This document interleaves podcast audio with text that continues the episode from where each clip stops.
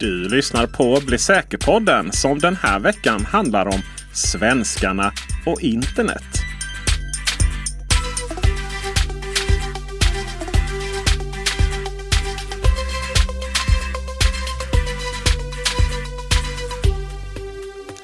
Mycket riktigt, det har blivit dags för den årliga djupdykningen i Internetstiftelsens undersökning kring hur vi svenskar använder internet. Och anledningen till att vi tar upp det i den här podden är ju att det där finns flera säkerhets och integritetsrelaterade frågor som är väl, eh, eh, jag får säga, det är den mest överraskande undersökningen jag har varit med om när det kommer till svenskarna och internet. Eh, och det, det, kommer vi såklart till i veckans huvudämne, men ni vet hur det är. I den här podden så börjar vi med att konstatera att avsnittet är inspelat den 12 eh, oktober mm. för sändning den 13 oktober. Och det görs i ett ekonomiskt oberoende samarbete mellan Nika Systems och Bredband2. Därefter så går vi in på lite uppföljningar, sen tar vi snabbisar och sen veckans huvudämne. Och som vanligt är det kapitelindelat ifall ni vill hoppa direkt till någon av de sakerna som vi pratar om. Däremot så går det inte att hoppa över det faktumet att det är då fredagen den 13. Och därmed går vi in på säkra anslutningar. det är väl bäst så va? Eh, jag skulle säga, eh, om inte månadens sämsta övergång så avsnittets sämsta övergång i alla fall blev det där. Ja, säkra anslutningar. I förra avsnittet då pratade vi ju om säkra anslutningar och vad som hade förändrats på den fronten under eh, sommaren. Men eh, jag fick några följdfrågor kring vad som egentligen gäller för app appar, för, på, alltså mobilappar då specifikt. För i väldigt många sammanhang då använder du ju en app för att göra någonting på mobilen istället för webbläsaren. Det är till och med så att ibland så när du försöker göra någonting i webbläsaren så kommer det upp en irriterande sak som säger använd appen istället för en bättre användarupplevelse. Även om jag är ganska skeptisk till att användarupplevelsen faktiskt är bättre. Men hur som helst, frågan berörde hur pass säkra är anslutningarna som apparna gör? För där finns det ju inte något hänglås att kolla på förutom om webbvyn öppnas inuti appen. Och jag kan säga att det har blivit ganska bra på senare tid där också. Både Android och iOS förutsätter numera att apparna använder säkra anslutningar, alltså att det är säkra och autentiserade anslutningar som upprättas när en app vill kommunicera med någon tjänst på internet. Men utvecklaren av appen kan deklarera undantag. Så ifall apputvecklaren skulle behöva låta sin app av någon outgrundlig anledning ansluta till en server som inte stödjer säkra anslutningar, då måste apputvecklaren i förväg ha definierat undantag för de specifika domänerna. Men överlag så kan vi säga att vi har säkra anslutningar även i mobilappssammanhang. Men vi har inte lika full kontroll över det som slutanvändare. Men det rör sig bara om undantag när det görs osäkra anslutningar. När det gäller just Android, då går det ju också i Google Play att se ifall en app har självdeklarerat att den stödjer säkra anslutningar eller ifall den skickar någon data över osäkra anslutningar. Kom ihåg att det är en självdeklaration, så det går inte att lita på till 100 procent, men det ger ändå en antydan och det här finns på apparna om ni scrollar längst ner i appöversikten på Google Play. Just säkra anslutningar är ju någonting som har betytt väldigt mycket för slutanvändaren. Man blir säkrare på internet utan att behöva tänka så mycket. Och jag kan känna att passkeys är är också en sån teknik som kommer att förändra egentligen allting. Helt enkelt är att vi slipper lösenord. Vi har bara våra passkey och kan logga in där vi vill. Och Google de känner lite detsamma för de gör ju passkey som förval för ens Google-tjänster eller sitt Google-konto så att säga. Mm. Så länge det är privat. Dock ingen Google Workspace här och nu. Men eh, Karl-Emil Nicka, passkey. vi har ju pratat om det flera gånger. Ja. Har vi en snabb recap? Det, det är egentligen att du loggar in med eh, en eh, metod som för dig som användare ser ut som att du loggar in med bara ditt fingeravtryck eller med ansiktsigenkänning. Sen finns det en mängd smarta saker som ligger bakom och det kan ni lyssna på i de två avsnitten som vi har gjort om Passkeys om ni vill förstå varför Passkeys är så briljant och varför Passkeys är den första potentiella lösenordsersättaren som kan slå igenom. Ehm, vi har pratat om Squirrel tidigare också, men då sa vi att det här är troligtvis inte någonting som kan slå igenom. Men när det gäller just Passkeys så har det möjligheten att slå igenom. Och jag skulle säga Peter, nu slår det igenom. Nu slår det igenom. Ja, för Google de meddelade i veckan, citat på engelska, Earlier this year, we rolled out support for passkeys, a simpler and more secure way to sign in to your accounts online. We've received really positive feedback from our users, so today we are making passkeys even more accessible by offering them as the default option across personal Google accounts. This means the next time you sign into your account, you'll start seeing prompts to create and use passkeys, simplifying your future sign-ins. Slutcitat. Google säger alltså att tack vare den fantastiska feedback som de har fått från användare så kommer de nu att be användare som loggar in på sina Google-konton att skapa passkeys så att det förenklar framtida inloggning. I den här artikeln står det för övrigt också att även, pass, eh, att även eh, WhatsApp är på gång med att lägga till passkeys-stöd. Så vi ser liksom, nu blommar det ut. Det, passkeys slår faktiskt igenom. Men kanske lite för snabbt rent av. Karl-Emil nickar. Kan Ja. vi aldrig få vara nöjda? Nej, Hur kan det det, kan gå för inte. snabbt? Hur kan Det- denna tekniken rullas ut för Det, snabbt? det, det är ju signumet för att bli säker på den. Det kommer alltid ett men någon gång. Eh, vad är problemet? Jo, det är att även om tekniken för webbplatser är mogen så är inte tekniken för användare mogen. Vi har egentligen fyra stycken olika lösningar idag. Vi har Apples lösning, vi har Googles lösning, vi har Microsofts lösning och One Passwords lösning. Du som vill logga in med Passkeys kan använda någon av de här fyra metoderna för att logga in med Passkeys. Apples lösning är färdig. Den synkroniserar mellan alla enheter så länge som du lever i Apples ekosystem. Men kollar vi på Googles lösning till exempel så synkroniserar den bara mellan Android-enheter, inte mellan Android-enheter och din dator. Vilket gör att om du använder Googles lösning för att hantera Passkeys, då är risken att du inte har med dig dina Passkeys oavsett var du befinner dig. Och vi, vi pratade om Microsofts lösning för det här i avsnittet vi gjorde om eh, Windows 11 23H2 uppdateringen eller fjärde momentet för Windows 11. Och där var jag ju jätteglad att se att Passkeys hade tillkommit och sen upptäcker jag att det synkar inte. Nej. Så om jag skapar en passkey, då ligger den lokalt på min Windows-dator. Så Apple, de har en färdigbyggd lösning. Google, de är halvvägs. Microsoft har knappt kommit igång och One Password, det kräver att du betalar för tjänsten för att få den. Så, så som det ser ut just nu, så kan jag tänka mig att det blir lite förvirrande för användare. För att om jag skulle fråga vad betyder passkeys? Då skulle jag ju vilja att svaret var att du kunde logga in på ett nätfiskeresistent sätt med passkeys nycklar som synkroniseras mellan alla dina enheter. Men just den där sista biten synkroniseras mellan alla dina enheter. Det är inte säkert. Och det finns inte något bra sätt för användaren att direkt förstå huruvida en skapad passkey faktiskt synkroniseras eller inte.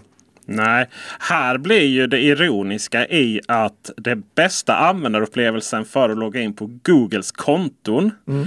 är Apple-användare som använder Safari kanske då. Ja. Fast eh, Apples, eh, Apples Keychain kan du ju logga in hos Google via Chrome. Så länge du inte sparar passkeyn i Chrome. För då får du ju hela upplevelsen. Då får du allting. Men jag är inte så säker på att avsaknaden av synkronisering är liksom en dealbreaker. För jag tänker att bli av med din Windows-dator då och skaffa en ny. Då blir det lite som att du har tappat bort lösenordet till din, ditt konto. Du får helt enkelt återställa. Ja, men det förutsätter ju då att du fortfarande har, eh, för det första att du kan skicka ett lösenordsåterställningsmail och för det andra att du faktiskt tillåter lösenordsinloggning och tillåter vi lösenordsinloggning, då måste vi komma ihåg att aktivera tvåfaktorsautentisering också. Ja, Eh, men det kan ju, det kan ju... Jag antar ju att det kommer vara så här att... Säg att du glömmer bort ditt lösenord till Google då. Eller, eller du tappar din passkey. Alltså dubbla processen nu. Glömmer man bort lösenordet, tappar sin passkey. Då kommer det nog vara samma återställningsförfarande. Det vill säga att du får svara på när din mammas efternamn och vad, vad du är född. Och sen så kommer en länk och så återställer du hela köttballongen och skapar en ny passkey. Ja, och då är det den svagaste länken. Och, och självfallet, det är ju bättre än att vi använder lösenord för att logga in hela tiden eftersom vi då har nätfiskerisken. Men vi täpper ju inte till sårbar, eh, eller jag ska inte säga sårbarheterna, vi täpper ju inte till säkerhetsluckorna som finns ifall vi fortsätter att tillåta lösenordsåterställning som kan skickas till ett dåligt skyddat e-postkonto. Eller ännu värre, tänk dig WhatsApp nu när de ska rulla ut stöd för passkeys på WhatsApp, där använder du ju ditt telefonnummer som identifikator. Ska det då gå att återställa sitt WhatsApp-konto genom ett osäkert sms? Absolut, 100 procent. Det kommer, det, så kom, det kommer vi nog aldrig bli av med. Men då ersätter inte Passkeys lösenord? Det ersätter ju dåliga lösenord 1, 2, 3, 4, 5, 6. Ja. Men du menar, du menar för att vi ska bli tillräckligt säkra så måste vi få bort återställningsförfarandet också. För det ska inte behövas för att vi har synkroniserat våra passkeys över alla enheter. Ja. Det där kommer aldrig hända. För den anledningen är ju det att vi har ju en parameter här och det är ju gemene man och kvinna. Och Tänk att de har ett konto, kanske loggar in vid bilder och så vidare. Och de glömmer bort sitt lösenord alternativt tappar bort sin passkey. Mm. Och så kontaktar de företaget och bara nej det kan vi inte lösa. Det, alltså, du får ju synkra dina passkeys som, som Carl Emil och Peter Esse. Det har jag svårt att se en framtid. Ja men det, det, är ändå dit vi vill gå ifall passkeys till exempel ska kunna vara så säkert att används för inloggning till banken. Det, och eh, tanken är ju på sikt att när du skapar ett nytt konto någonstans, då skapar du bara en ny pask. Det, så i så fall blir det att när du vill registrera dig, då måste du ange användarnamn och lösenord. Eh, eh förlåt, du måste ange namn. Användarnamn och lösenord är precis det du inte behöver ange. Eh, du behöver ange ditt namn och du väljer generera en passkey och sen så måste du då också lägga till någon återställningsmetod om du skulle tappa bort din passkey. Där min vän tror jag att passkey-utrullningen stannar i de flesta fall. Om du inte är exempelvis då en del av Apples ekosystem totalt sett. Jag har så svårt att se hur framförallt Microsoft ska kunna hantera synkronisering av passkey över alla enheter. De har ju ingen plattform inom den mobila världen. Jo, de har Microsoft Authenticator. Den här eh, fruktansvärda autentiseringsappen som framförallt används av företag eh, för att autentisera sig. Så den, de har infrastrukturen för att kunna erbjuda synkroniserade passkeys mellan alla enheter. De har bara valt att inte aktivera den. Varför är den fruktansvärd? Jag använder ju den. Ty tycker du om den? Alltså, det, den har ett jobb, den autentiserar ju. Ja, liksom. men jag, jag, stör mig framför allt på att Microsoft försöker trycka på att du ska använda just den istället för att använda standardmetoden för tvåfaktorsautentisering. Att ja. de hittar på sin egen och så fungerar det på två olika sätt och det kan bara säkerhetskopiera inom respektive ekosystem. Eh, ja. Microsoft, eh, två saker. För det första, fixa appen och för det andra aktivera passkey-synkronisering genom den. Men där finns i alla fall en chans för en, en trevlig framtid så som du vill ha det. Mm. Hemsk app eller ej. Ja. Vi ska inte prata om framtid nu utan vi ska prata om rapporten Svenskarna och internet Nådens år 2023. Eh, nådens år är inte med i rapportnamnet Nej. utan det är Svenskarna och internet 2023 som Internetstiftelsen sätter ihop varje år. Och vi kanske också ska konstatera det att du har lite kopplingar till denna internetstiftelse. För transparensens skull så eh, jag är frilansare åt eh, Internetstiftelsen. Eh, så är alla disclaimers klara. Härligt! Ja. Och de som har gjort grovjobbet är ju inte du då, utan Nej. det är Novus. Precis. Det här är, det är egentligen fyra studier som har kombinerats för att få till den här rapporten.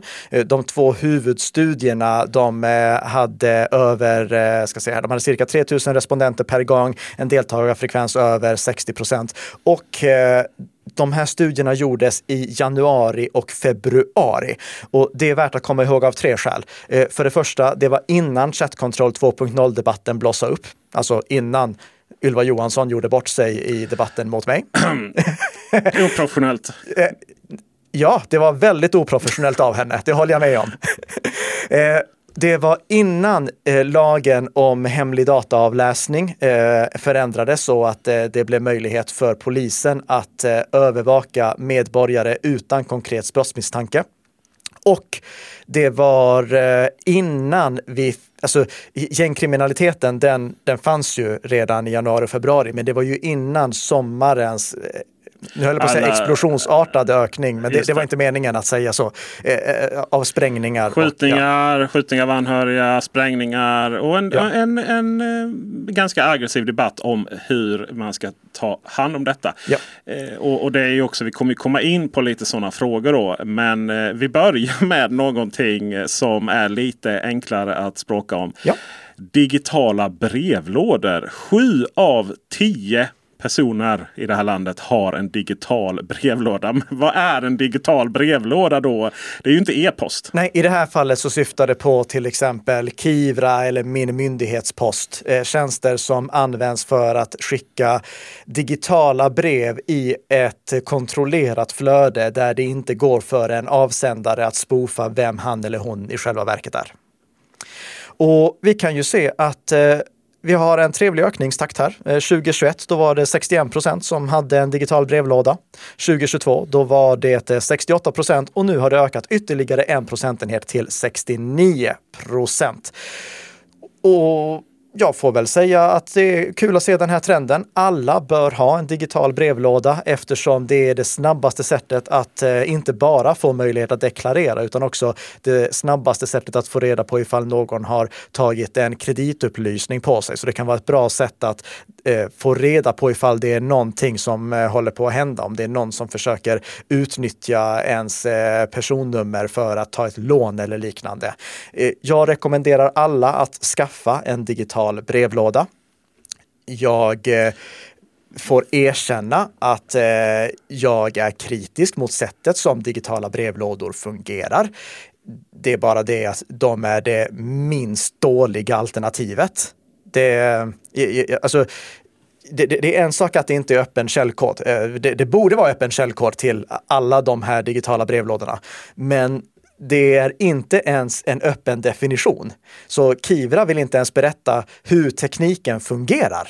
Eh, och det, det, är ju förkastligt. Det, det, gör ju att det här är inte någonting som vi kan lita på i, eh, i lång tid framöver. Det är någonting som kommer behöva bytas ut. Men det är det, sem, det, är det minst dåliga alternativet av de alternativen som står till buds. För andra alternativet är ju pappersbrev. Eh, och pappersbrev, de kan komma bort, de tar lång tid att få fram. Så jag rekommenderar ändå folk att skaffa en digital brevlåda. Och då är frågan, vad ska man skaffa? Kollar vi på vad svenska folket har valt så är det 64 procent som har valt Kivra eh, och eh, 11 procent som har valt Min myndighetspost. 1 procent som har valt e-box. Den siffran kommer troligtvis vara noll nästa år, för e-box slutade att eh, hantera myndighetspost i fjol, i slutet av november tror jag det var. Eh, det gör mig absolut ingenting, för e-box var de som jag upptäckte att var rena klantarslen när det kom till säkerheten, så det är bara bra att de försvinner.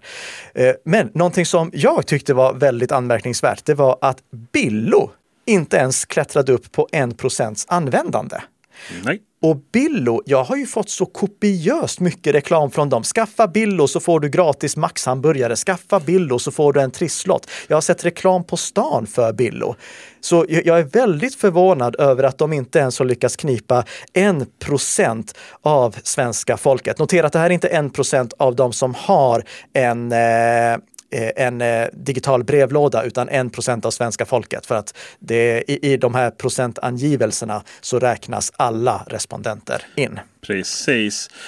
Har du fått Jag har inte ens, jag har aldrig sett det. Men å andra sidan så äter jag inte hamburgare, jag spelar inte på Triss och jag rör mig inte så mycket på stan.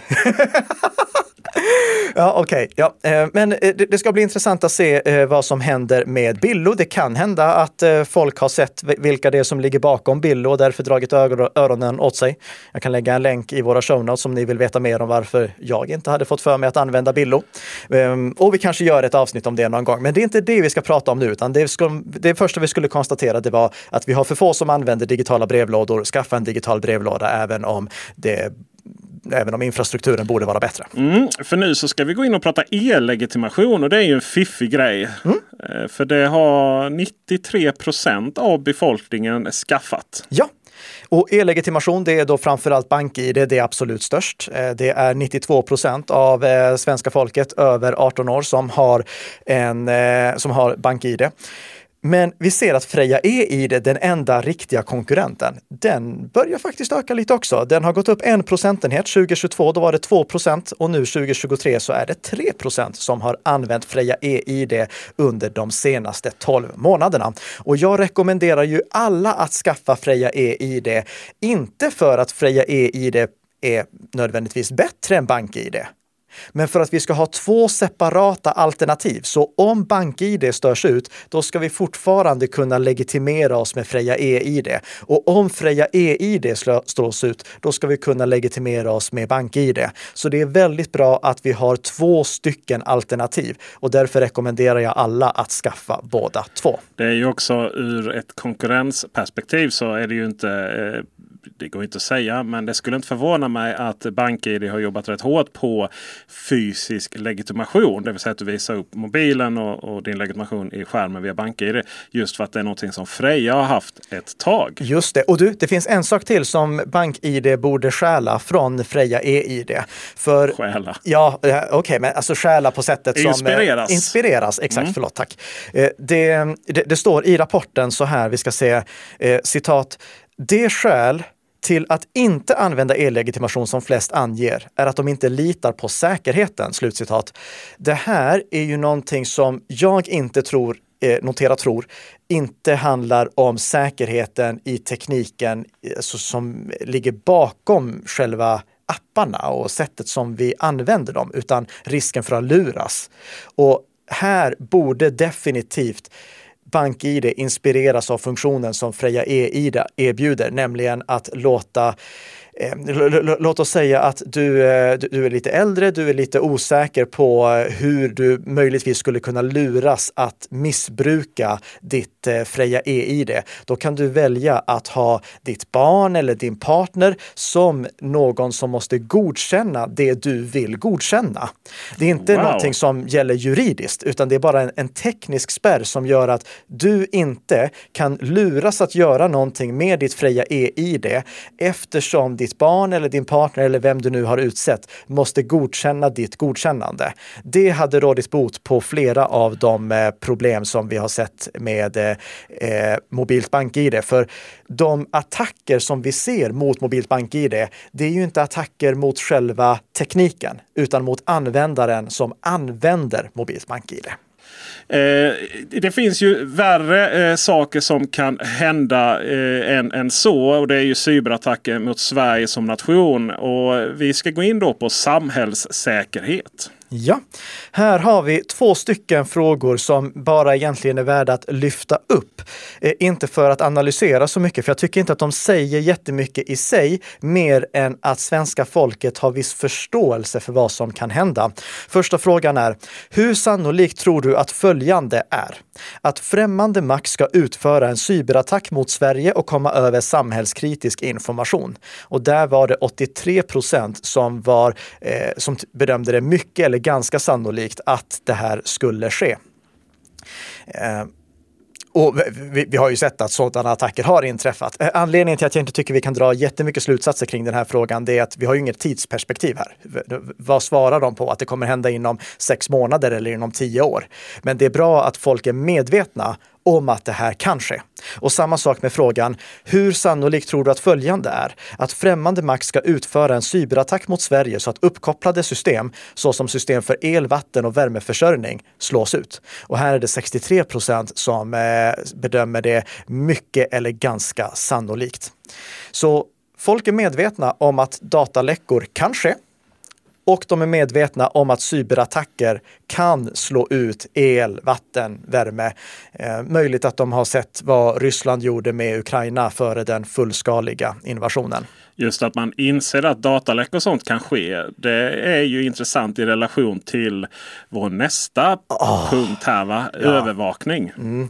Eh, det, här, va, eh, det här är jätte det, det, det, jag ska inte säga att det är jätteunderligt. Jag ska säga att det här är väldigt betänkansvärt. Finns ordet betänkansvärt på svenska? Ja, det gör det. Ja, bra.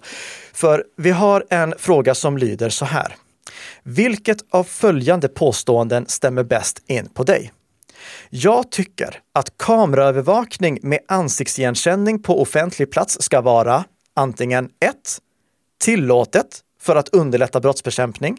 Eller två, förbjudet för att skydda medborgarnas personliga integritet. Och här är det 71 procent som säger att det ska vara tillåtet för att underlätta brottsbekämpning. Vi, vi, vi, kan ju lyssna lite på hur eh, det lät när Jannike Tillå och Måns Jonasson från Internetstiftelsen reflekterade kring just den här frågan på scen i samband med presentationen av rapporten. Ja, men nu kommer det en fråga till dig. Angående kameraövervakning med ansiktsigenkänning. Har man egentligen förstått vilken fråga man svarar på? Nej, det, det, det, är en jättebra fråga och det här belyser lite av problemet med att skapa en sån här undersökning. Vi måste hitta ett sätt att ställa frågan så att alla respondenter förstår vad frågan betyder och att den är så pass generisk att den går att svara på. Men jag misstänker också att det här kan vara en tolkningsfråga. För att till exempel så har vi eh, offentlig plats med i frågan. Och det är frågan om alla riktigt är med på vad en offentlig plats är för någonting. Jag tror att de flesta när de tänker på en offentlig plats, då tänker de på Sergels torg här ute kanske. Men sanningen är ju att nästan överallt utanför hemmet är ju offentlig plats. Mm. Jag kan tänka mig att vi skulle ha fått ett helt annat svar om vi hade frågat, är du okej okay med att polisen sätter upp en övervakningskamera i, och riktar den mot din dörr, till exempel hemma? För det är också en offentlig plats, gatan utanför ditt hem. Är du okej okay med att vi har eh, kamera med ansiktsigenkänning utanför varje bibliotek, varje biograf, varje skola. Det, man skulle säkert få ett helt annat svar då. Ja, Peter, tror du att de som har svarat verkligen förstod vad de svarade på? Överhuvudtaget inte. Utan ja, när jag läste denna så kände jag ju också att vi pratade om torg. Ja. Nu eh, menar jag inte att vi ska ansiktsigenkänning eh, på torg heller. Kameror, ja. Men inte ansiktsigenkänning. Mm. Men, men det är ju mycket i den här rapporten som man eh, liksom någonstans förstår att frågorna är oerhört komplexa. Mm. Det, det, är kort sammanfattade frågor. Alltså de, är väldigt, väldigt, eh, det, det, är inte någon lång bakgrundsinformation. Och jag tror ju, notera tror, jag säger inte att det är så, jag säger att jag tror att det är så, att ifall det hade funnits med en förklaring om vad det innebär, en förklaring av hur det här missbrukas i andra länder, en förståelse kring vad som skiljer mellan Sverige och andra länder där den här tekniken används. Jag tänker till exempel på att i andra länder, där har vi inte samma offentlighetsprincip där du kan kolla hur mycket någon tjänar, där du kan kolla när, var någon bor, där du kan kolla vilken bil de har, där allt det här här är publik information. Utan vi i Sverige, vi har ju tagit en liten annorlunda eh, approach till det hela med vår offentlighetsprincip som då måste finnas i åtanke när vi tänker på hur vi implementerar det här med kameraövervakning. Sen vet jag att realtidskameraövervakning är en väldigt stor fråga, huruvida det ska vara tillåtet att kameraövervaka i realtid. Jag kan säga det är det jag bryr mig minst om. Jag bryr mig betydligt mer om icke realtidskameraövervakning eftersom med den otroliga mängd information som de här systemen kan samla in går det att kartlägga oss i minsta detalj. Hur vi rör oss, vilka vi träffar, vad vi gör på olika ställen. Så att om det skulle byggas en databas om oss, då skulle det gå att helt enkelt söka på Karl Emil Nicka och få upp exakt vad jag har gjort vid alla tillfällen. Den här informationen, den är fruktansvärt farlig ifall vi skulle antingen råka läcka den och bara flika in här, det var alltså 83 procent som bedömde det mycket eller ganska sannolikt att en cyberattack skulle leda till att samhällskritisk information läckte.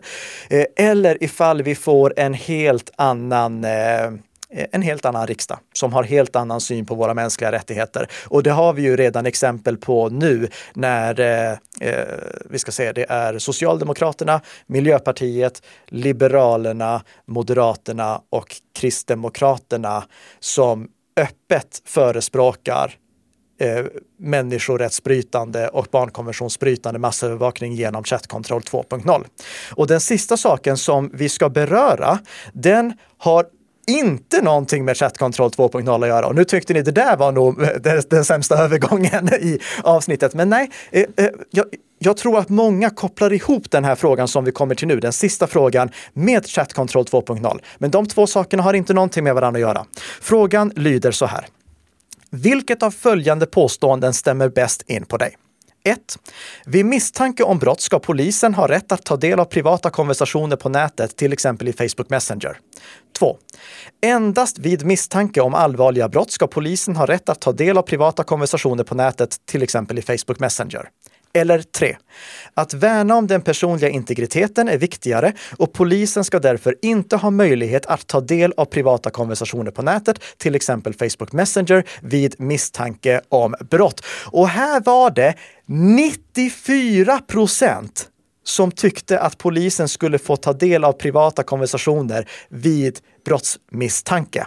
Och vi kan ju lyssna lite på vad Jannike och Måns sa om det här på scen också. Eh, och jag börjar fråga dig, var det någon, du har varit inne på det några gånger, men var det någonting som eh, liksom, överraskade dig extra mycket med resultatet i år? Ja, jag tycker att den här frågan kring att man är beredd att ge polisen tillgång till att läsa privata konversationer, att den hade så starkt stöd förvånade mig. Vi har haft de här diskussionerna i Sverige när det gällde FRA-debatten till exempel. Vi har den nu gällande chat control. Um, och jag tolkar det igen då som att uppenbarligen är vi beredda, gällande det här läget vi har i Sverige nu med den allvarliga brottsligheten, så är det många som är beredda att tumma på den personliga integriteten. Men att det skulle vara så här många som tycker att det är okej och att det är så här många som dessutom svarar att det är okej oavsett brottsgrad. Jag är väldigt tveksam till att folk verkligen tycker att det är okej att polisen får läsa alla mina privata meddelanden för att jag har felparkerat till exempel. Någonstans här måste man ju dra en gräns. Men igen så visar ju historien att när vi väl har verktygen, då kommer vi antagligen komma på nya nya sätt att använda dem. Vem bestämmer om fem eller tio år vad som är ett tillräckligt allvarligt brott för att de här verktygen ska få användas? Jag tolkar ändå den här balansen att vi, vi vill ge polisen de här verktygen men samtidigt har vi väldigt höga krav på vår egen personliga integritet. Jag tolkar det som att, att vi på något sätt ändå inte riktigt förstår vad det här kommer leda till. Och vi fick en del öppna svar i den här eh, rapporten som jag tycker man kan läsa som är spännande, som handlar om okej, okay, men om min personliga data kommer på vift, hur ska jag förhindra att någon som jobbar på den här myndigheten och kanske är en stalker börjar förfölja mig? Alltså när man börjar tänka på det utifrån ett personligt perspektiv, då, då blir det lite mer intressant och mer liksom, vettigt att följa tycker jag. Ja, jag håller med, det är väldigt spännande alltså svar på de här frågorna. Men kan man tolka det så här då, kanske? Vi är okej okay med riktade insatser som tummar på brottslingars eh, personlig integritet, men vi vill absolut inte ge något carte blanche för massövervakning av hela svenska folket. Så tycker jag man kan sammanfatta ungefär sentimentet i rapporten. Ja, Peter, vad hade du svarat på den här frågan? Ja, det här är ju spännande. Misstanke om brott, alltså gå mot röd gubbe, är ju ett brott om en utan straffansvar. Eh, den, den går ju bort naturligtvis. Men, men misstanke om allvarligt brott så finns det ju en rad åtgärder polisen måste kunna göra. Dumpning av master, eh, åklagare begära in information från olika meddelandetjänster och så vidare. Det är för mig självklart att de ska få göra. Hade frågan istället varit så här lite bredare. Tycker du att eh, man ska få bryta totalstreckskrypterad information eh, generellt. Just för att kunna begära in den här informationen. hade ju varit solklart nej. Ja, eller kringgå totalstreckskrypteringen ja. för att kunna komma åt den. Eh, och, och det, det, är det som är väldigt viktigt att tänka på här, för det här är absolut inte samma sak som FRA-debatten och chattkontroll 2.0. FRA-debatten och chattkontroll 2.0 handlar om massövervakning. Alltså, ska alla vi ha bakdörrar på våra mobiler som gör att tjänsteleverantörerna, till exempel sociala medier, skannar det som vi eh, skickar i eh, totalstreckskrypterat format till varandra. Och eh, analyserar det, oavsett om det är totalstreckskrypterat eller inte, med en artificiell intelligens och bedömer huruvida det skulle kunna vara barnövergreppsmaterial och i så fall skickar det till tjänsteleverantören, alltså till, till Facebook och till LinkedIn. Och de sen rapporterar vidare det till ett EU-center som vi vet nu att eh, Europol vill ha tillgång till all information från.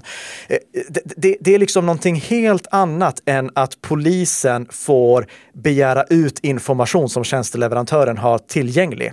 Om frågan hade varit, skulle du vilja att alla sociala medier använder en artificiell intelligens för att övervaka vad du skriver?